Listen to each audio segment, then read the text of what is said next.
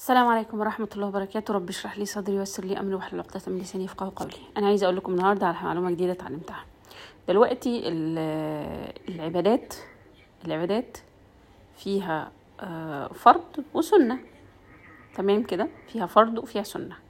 نيجي للفرض. نقسمه اتنين. فرض عين وفرض كفاية.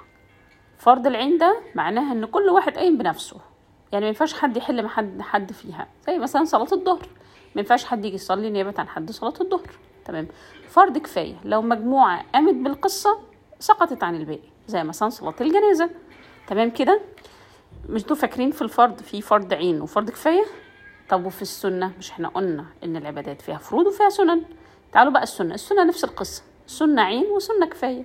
سنة العين اللي هي إن كل شخص يعني السنة إن هو يعملها. كل واحد ومش هتقع عن حد. زي مثلا إيه سنة الظهر مثلا سنن الرواتب مثلا آه سنة المغرب سنة العشاء مثلا. طيب نيجي بقى للسنة ال... يعني سنة كفاية. سنة كفاية ديت معناها إن لو هي حد عملها سقطت عن الباقي زي إيه بقى؟ زي رد السلام مثلا.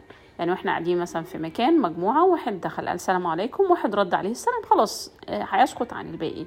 زي العطاس مثلا واحد عطس وإحنا قاعدين كلنا فقام رد عليه قال له يرحمكم الله. طبعا لازم العطس يقول الحمد لله فالتاني هيشمت العطس يقول إيه؟ يرحمكم الله. يبقى سقطت عن الباقي.